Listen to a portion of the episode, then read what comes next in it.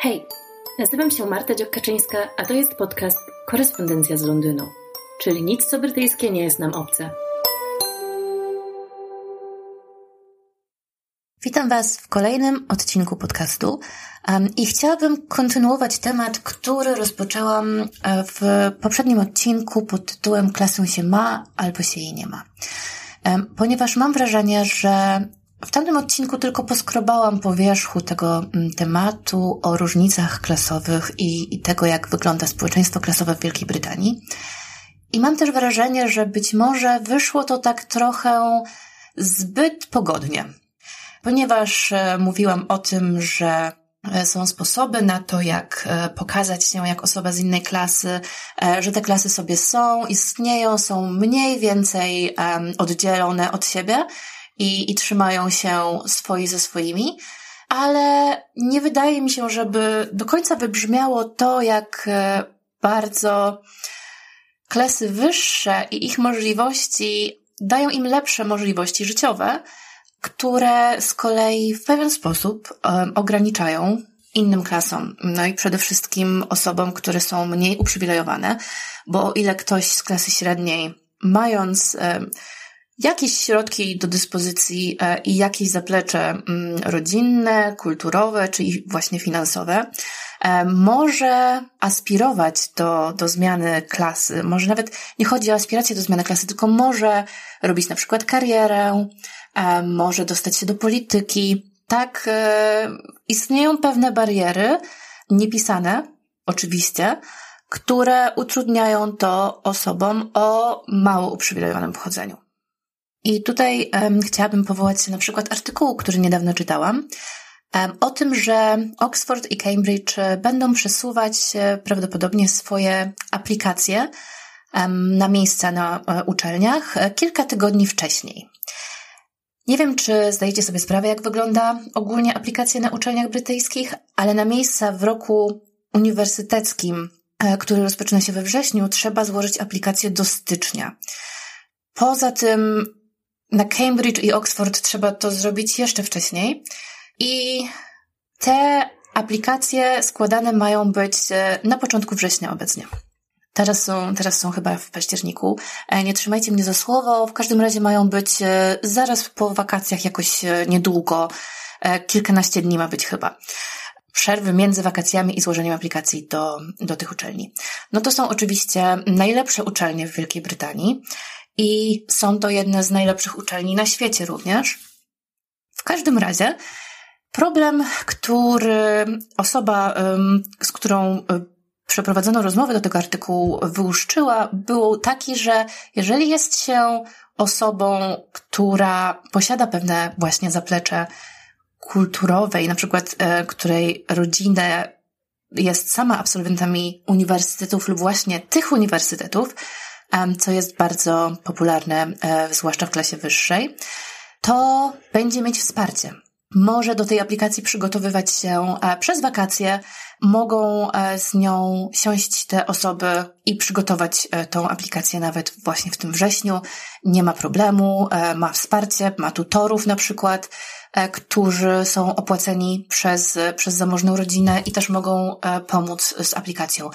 Jeżeli chodzi o osoby, które są na przykład, w cudzysłowie to mówię, tak, z nizin społecznych.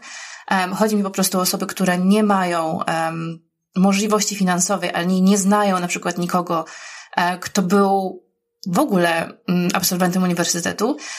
Taka aplikacja jest dla tej osoby o wiele trudniejsza, nawet jeżeli wyniki w nauce tej osoby e, są bardzo dobre, tak, na, na poziomie wyników w nauce um, osoby z klasy wyższej. To jest po prostu kolejna bariera, którą będzie się stawiało um, osobom niezamożnym z e, gorzej sytuowanych rodzin. I nawet jeśli one by miały szansę ze swoimi wynikami dostać się na taką uczelnię, to sam proces aplikacji może im to uniemożliwić. No i teraz e, można oczywiście być bardzo cynicznym i stwierdzić, że każdy powinien zapracować na to samemu, e, gdzie dostanie się na uczelnię, ale sami widzicie, że to wcale nie jest samemu, bo jeśli jesteś bogaty, to masz bardzo dużo wsparcia. I to nie jest tak, że wszystko, co osiągasz w życiu, jest tylko Twoją zasługą. Oczywiście nikt nie odmawia pracy tym osobom i inteligencji i zdolności, natomiast y, pieniądze mają duże znaczenie w życiu. I dlaczego te kilka tygodni może robić różnicę? Ponieważ taka osoba nie posiadająca środków finansowych ani kapitału w rodzinie edukacji, to w normalnym przypadku nad taką aplikacją pracowałaby ze swoim nauczycielem w szkole lub w ogóle w szkole miałaby wsparcie. W momencie, kiedy przesuwana jest wcześniej ta aplikacja, nie ma możliwości przez wakacje kontaktu z tymi osobami, ponieważ e, wiadomo, są wakacje, nauczyciele nie są w tym czasie dostępni dla ucznia. I jest to, jeżeli pomyśleć o tym praktycznie, ogromna niesprawiedliwość. Oczywiście nie jest opisana zasada, że my nie chcemy uczniów e, z e, ubogich środowisk, ale praktycznie wyjdzie na to, że ten procent uczniów, którzy się dostają do e, najlepszych uniwersytetów w kraju, będzie niższy. Edukacja jest tym aspektem życia, w którym różnice społeczne i klasowe widać bardzo mocno w Wielkiej Brytanii. Wiadomo, że wszędzie na świecie liczą się znajomości, kiedy um, idzie się do pracy i to jest e, smutna, ale normalna e, i prawdziwa rzecz. Natomiast e, tutaj już e, na poziomie szkoły podstawowej są mocne różnice, ponieważ e, jeżeli wspominać mam e, swoją własną edukację z okresu podstawówki, no to ja na przykład chodziłam do klasy z E, synem prokuratora, czy lekarza, czy z drugiej strony z, z synem pielęgniarki oraz tak samo z dziećmi osób, które nie miały pracy, były na zasiłkach lub, nie wiem, pracowały na przykład w warzywniaku. I tutaj um, wszyscy bawili się razem. Niektórzy oczywiście mieli lepsze rzeczy, lepsze zabawki i tak dalej, ładniejsze domy, a niektórzy żyli w gorszych warunkach. Niemniej jednak e, było to przemieszanie społeczne. W Wielkiej Brytanii to nie do końca tak wygląda.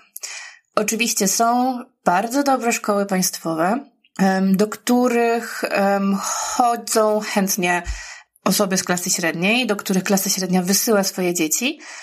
Natomiast e, to też będzie klasa średnia do pewnego poziomu, bo jeżeli mówimy już o takiej upper middle class, czyli powiedzmy w poprzednim odcinku wspominałam Middletonów, którzy zrobili mm, fortunę, czy po prostu dobre pieniądze na swojej firmie. Oni już wysyłali dzieci do e, szkół prywatnych.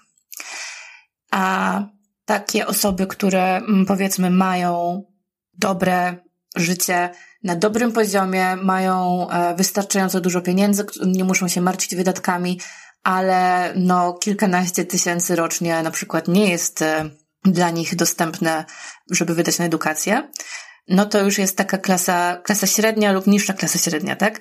I, i te osoby bardziej widziałabym w, w takich szkołach państwowych.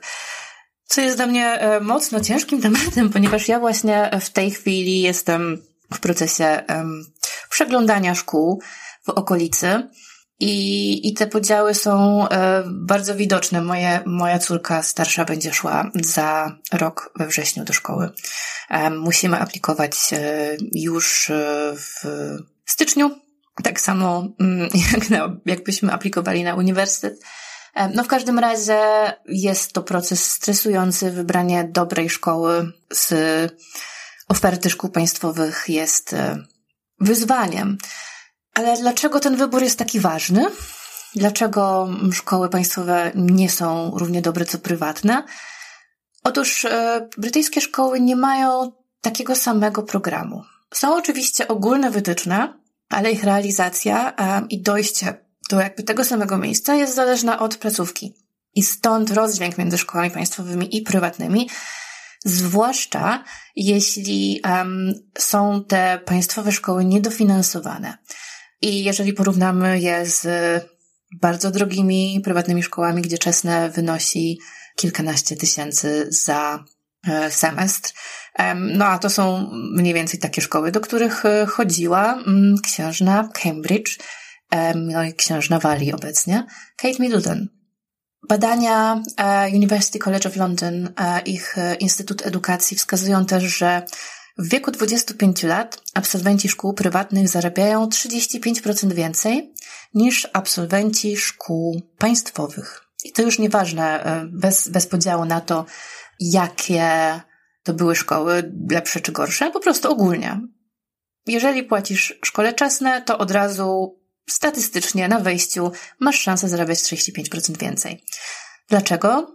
No bo prawdopodobnie masz ten kapitał społeczny, który sprawia, że zostaniesz przyjęty do lepszej pracy. Tak, rozumiem, że szkoły prywatne mogą być lepsze niż szkoły państwowe, natomiast to, od razu, to nie znaczy od razu, że taka osoba więcej umie, prawda? Natomiast na pewno ma lepsze znajomości. I są to osoby też, które mają większe szanse na pracę w, na pozycjach e, menedżerskich e, i, i na pozycjach tak zwanych professional. Do tego dochodzi jeszcze taki aspekt, że obecnie e, trwa taka trochę krucjata. Jestem pewna, że ona trwa nie tylko w Wielkiej Brytanii, bo wydaje mi się, że w Polsce trochę też. Odnośnie kierunków humanistycznych, które widziane są jako kierunki mniej wartościowe gospodarczo, ekonomicznie, ponieważ po tych kierunkach często ma się um, niższe pensje niż po kierunkach ścisłych um, lub też um, jest ciężej znaleźć pracę. I Zaczynają się próby obcinania miejsc i finansowania e, tych kierunków e, lub ogólnie zamykania e, niektórych z nich na niektórych uczelniach. Z tym się wiąże duży społeczny protest i protest środowisk twórczych też, e, pisarzy i tak dalej, i tak dalej. W to już nie będę wnikać. W każdym razie aspekt, który najbardziej mnie w tym e, ciekawi, jest to, że no tak, rozumiem, że kierunki e, ścisłe to jest teraz coś, co jest w tym momencie gospodarczo potrzebne, bo technologia informacji i, i przemysł potrzebuje mm, inżynierów, programistów i tak. Natomiast jeżeli spojrzymy na to bardziej cynicznie, to politycy, zwłaszcza politycy z klas wyższych i zwłaszcza politycy partii konserwatywnej, w tym ci zajmujący najwyższe stanowiska premiera, oni są wszyscy absolwentami, niemalże wszyscy, przepraszam, właśnie tych kierunków humanistycznych. Tony Blair studiował, zdaje się, prawo, natomiast e, Gordon Brown studiował historię. Poprzedni premier Boris Johnson studiował classics, czyli jest to y, historia i filologia antyczna. No, wiecie, jakby nie wiem, czy jest wielkie zapotrzebowanie na rynku na filologów antycznych. E, niemniej Boris Johnson został z takim wykształceniem premierem. Dodajmy jeszcze, że e, premierzy z partii konserwatywnej, czyli David Cameron, Boris Johnson, Theresa May czy obecna premierka Liz Truss, to są wszystko absolwenci kierunków um, humanistycznych. Przepraszam, Teresa May studiowała geografię, ale pozostali e, to e, były kierunki humanistyczne i to na dodatek na Oksfordzie.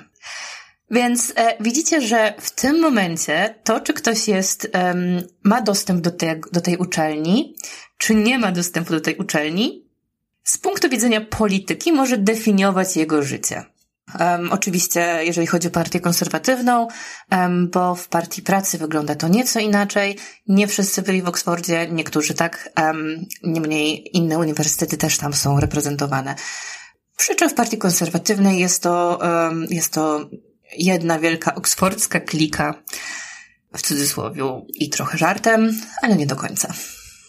Myślę, że jeszcze ciekawym aspektem jest to, że premier David Cameron nigdy nie miał pracy w tym sensie, że nikt nigdy nie zatrudnił go na podstawie jego własnych umiejętności, tylko zawsze miał pracę po znajomości.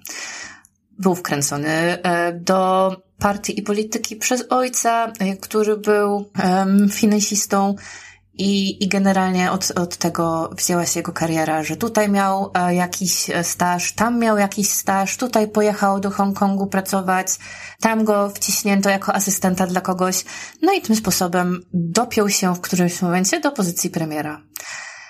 Myślę, że myślę, że te znajomości mówią same za siebie. Pamiętajmy przy tym, że bardzo często osoby, które dostają się do polityki, mają niewielkie pojęcie o tak zwanym normalnym życiu, o życiu przeciętnego człowieka, o którym decydują w dużym stopniu, prawda? Teraz na przykład e, nowa pani premier Liz Truss i jej kanclerz e, Kwasi Kwarteng e, przepychają właśnie budżet, który ewidentnie służy przede wszystkim i właściwie może wyłącznie najbogatszym. Obiecywali obniżenie podatków, no i owszem, obniżyli te podatki. Tylko dla kogo? Obniżyli podatki dla osób, które zarabiają w najwyższym progu, czyli usunęli 45% e, podatek. Nie pamiętam dokładnie, ile trzeba zarabiać, e, żeby się na to łapać, ale jest to chyba powyżej 80 tysięcy funtów i więcej. No więc e, nie wiem, jak to skomentować nawet. I oni to robią tak zupełnie jawnie. E, prasa jakby komentuje to codziennie, ale to jest trochę tak, e, że co im można zrobić? No, no nic nie można im zrobić. Również e, jak w dużej części Europy jest kryzys kosztów życia i, i między innymi energii i ogrzewania, Wprowadzono ograniczenie wysokości rachunków dla gospodarstwa domowego i jest ono na poziomie 2,5 tysiąca funtów. No i teraz tak. Kogo najbardziej faworyzuje to rozwiązanie? Bo można sobie pomyśleć, że to dobrze, że jest y, jakieś ograniczenie, prawda? Ale zanim nastąpiły podwyżki cen, no to płaciłam za ogrzewanie mm, i energię w mieszkaniu 77-metrowym około 1000 funtów rocznie.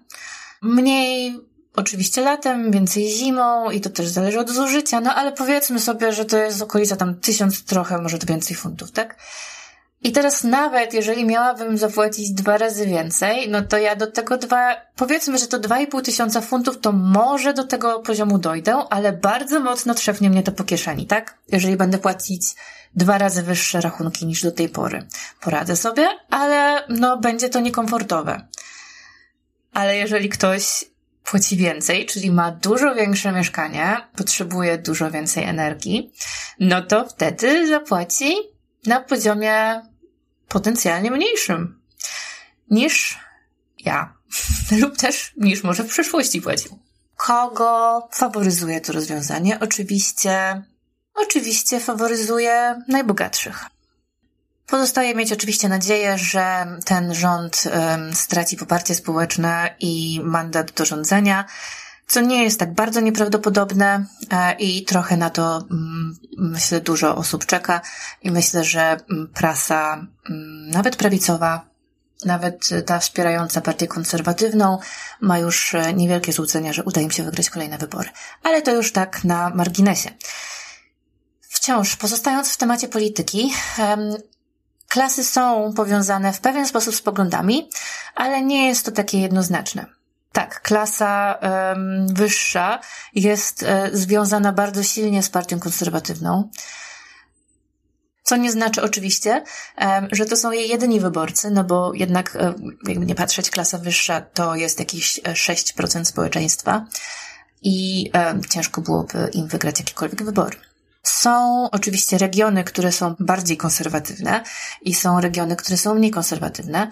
I jest to związane mocno też z geografią. Na przykład zamożne osoby, które mieszkają w, na przykład w hrabstwie Sarej, które jest jednym z naj, najdroższych hrabstw Wielkiej Brytanii, najprawdopodobniej będą wybierać swoich e, posłów e, z partii konserwatywnej, ponieważ to jest taka ostoja partii konserwatywnej osoby być może o bardzo e, zbliżonych, o bardzo zbliżonej pozycji majątkowej e, z dzielnicy Londynu, w której mieszkam, e, czyli Islington, najprawdopodobniej będą natomiast wspierać partię pracy. Ponieważ ta dzielnica ma, podobnie jak Camden, podobnie jak jeszcze inne dzielnice w, Londyn, w Londynie i w ogóle całe miasto, mają charakter bardziej lewicowy, lewicujący, bo właściwie Partia Pracy obecnie jest taka bardziej centrystyczna. W każdym razie to nie tylko chodzi o, nie tylko chodzi właśnie o, o zarobki. E, chodzi o geografię i o, o jakby przemieszanie tych czynników, ponieważ e, klasa robotnicza na północy będzie bardziej asocjowana znowu z partią pracy. Takie typowo mm, robotnicze, industrialne miasta jak Birmingham, Manchester e, znowu będą ostoją, ostorią partii pracy. Natomiast e, klasa robotnicza nad morzem będzie znacznie częściej, na przykład w małych miejscowościach, głosować na konserwatystów. W ogóle tutaj e, są okręgi jednomandatowe, co oznacza, że osoba, która zdobędzie największą ilość głosów, po prostu zgarnia wszystko i reprezentuje cały region. Co oznacza też, że jeżeli jest się w regionie mocno zakorzenionym tradycyjnie w jednej partii, asocjowanym z nią, e, jest bardzo ciężko zmienić tą asocjację.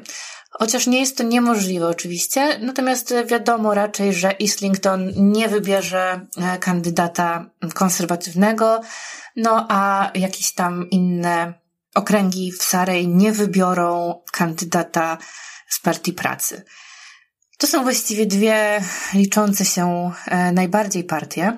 Są oczywiście też inne partie w Wielkiej Brytanii, ale to wygląda e, o wiele bardziej jak e, w Stanach Zjednoczonych i coraz chyba bardziej w Polsce, że tak naprawdę to wyścig o władzę jest pomiędzy, pomiędzy dwiema partiami. I te pozostałe mogą raz na jakiś czas zdobyć więcej poparcia, tak jak e, chyba dobre 10 lat temu udało się to liberalnym demokratom. Natomiast e, obecnie są absolutnie mniejszością i, i nie są e, w ogóle w rządzie reprezentowani. Swoją drogą liberalni demokraci to też jest e, taka partia asocjowana z powiedzmy nieco starszymi osobami, które są takie też nieco lewicujące, ale tak nie za mocno. I to jest taka trochę, mam wrażenie, że mają taką opinię takiej partii trochę z przyjęcia w ogródku emerytów, e, którzy chcą być e, społecznie sprawiedliwi i, i, i mili dla otoczenia. Oczywiście to mówię z przymrużeniem oka, ale, ale e, tak bym powiedziała, że w mojej bańce są odbierani. Wspomniałam, że Londyn jest bardziej lewicowy. Burmistrz Londynu obecny, który jest już kolejną kadencję, pochodzi z Partii Pracy, chociaż e, był czas, kiedy burmistrzem był Boris Johnson z Partii Konserwatywnej, no ale, no ale to są e, minione czasy. Natomiast to nie jest tak, że, że każda dzielnica Londynu głosuje na e, Partię Pracy. Te dzielnice też geograficznie mają swoje asocjacje i tak jak Islington jest używany wręcz jako synonim takiej centrolewicy dość zamożnej, tak na przykład no Kensington i Chelsea e, to jest wręcz e, przeciwnie, jest to druga, druga strona spektrum. I to jest ciekawe, że dzielnice ogólnie w Wielkiej Brytanii są pełne kontrastów, i one są też tak przemieszane, żeby uniknąć takiej wielkiej gettoizacji, czy tak w, też w cudzysłowie jakichś takich dzielnic, żeby one się nie robiły takimi enklawami czy no-go areas, tak? Um, tutaj są pewne próby wymieszania społeczeństwa, żeby ono ze sobą jakoś współistniało. E, no ale te kontrasty i tak są ogromne. No nie wiem, czy, czy kojarzycie budynek, który tragicznie w 2017 roku spłonął. Nazywał się Grenfell Tower i był w dzielnicy Kensington, która jest e, niesamowicie bogatą dzielnicą. Spłonął między innymi e, dlatego, to znaczy tragedia była między innymi dlatego tak wielka, ponieważ e, materiały, które użyto do remontu tego budynku były łatwopalne i Pochodziły od producenta, który oferował lepszą, e, niższą cenę, natomiast nie spełniały standardów jakości. I przez to e, budynek e, zaczął się bardzo szybko palić, bardzo wielkie obszary się bardzo szybko zajęły i zginęły 72 osoby. Co jest oczywiście olbrzymią tragedią. Natomiast osoby, które przeżyły, musiały tułać się po um, różnych um, hotelach i zastępczych mieszkaniach, które też, um, no, był z tym duży problem.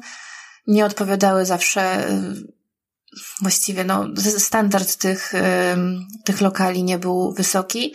No a to wszystko rozegrało się e, niemalże w sąsiedztwie e, wielkich willi bogaczy i kamienic, które, w których lokale kosztują miliony, miliony i to grube miliony, a nie kilka milionów e, funtów.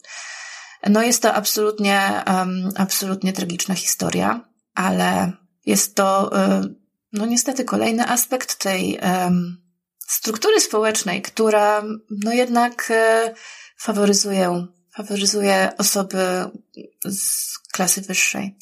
To nie jest tak, że ta no te oszczędności, wiadomo, że każda, każda budżetówka um, oszczędza i żadna nie, nie podciera się pieniędzmi. E, natomiast czy Kensington nie mogło zadbać o, o bezpieczeństwo e, swoich lokatorów e, z klasy niższej? Zostawię to jako pytanie retoryczne.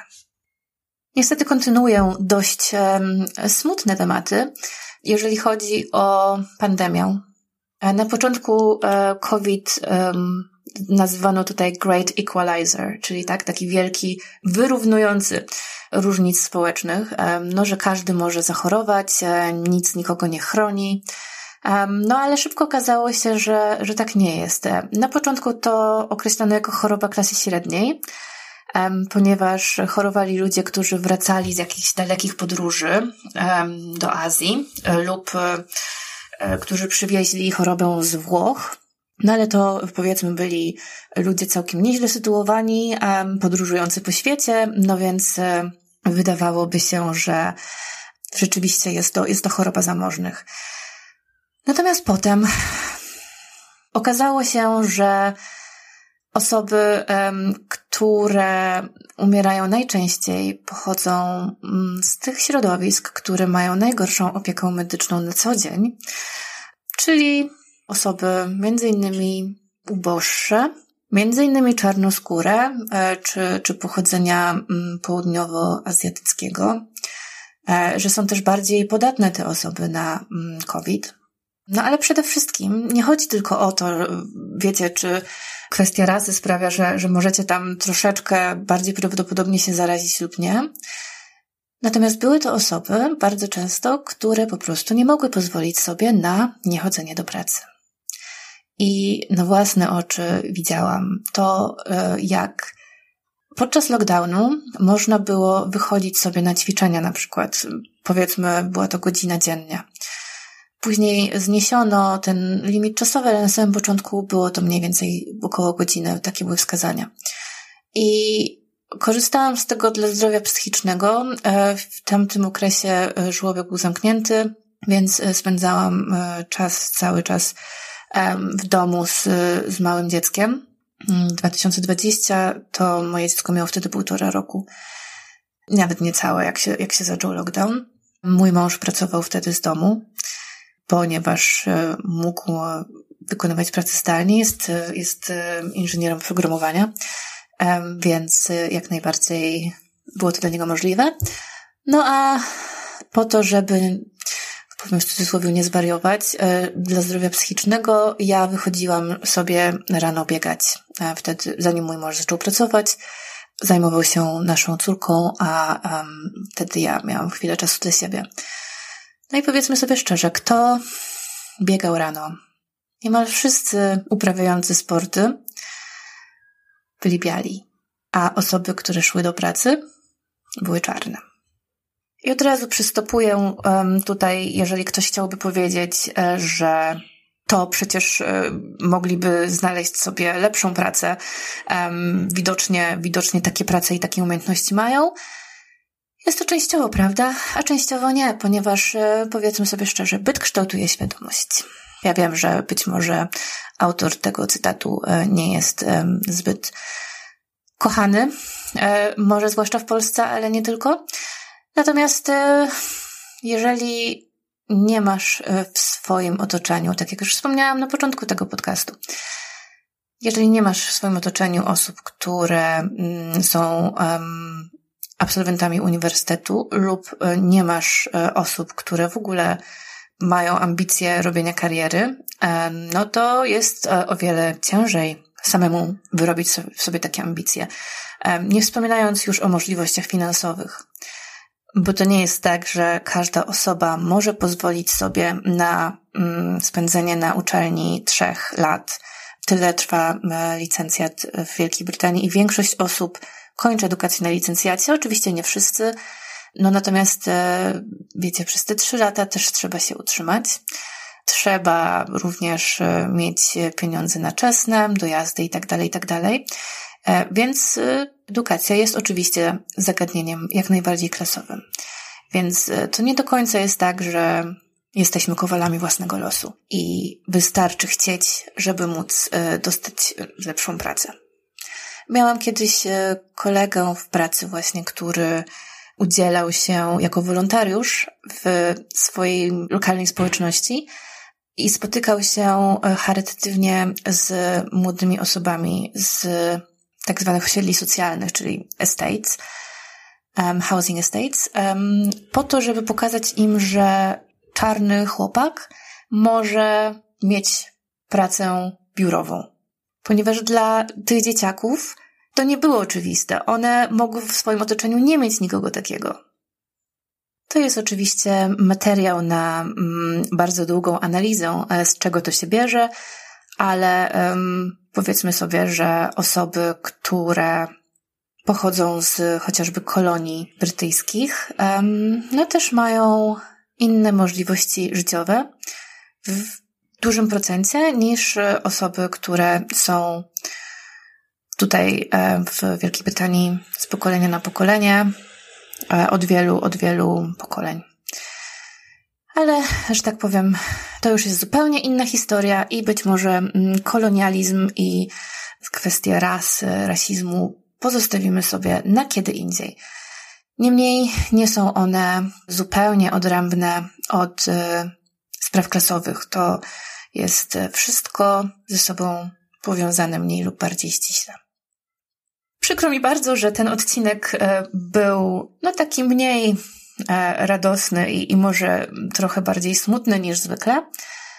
Nie mogę obiecać, że to nie będzie miało miejsca w przyszłości, ponieważ żyjemy w społeczeństwie a społeczeństwo bywa bardzo okrutne. Niemniej dziękuję, że byliście ze mną i zapraszam Was na podcast za tydzień.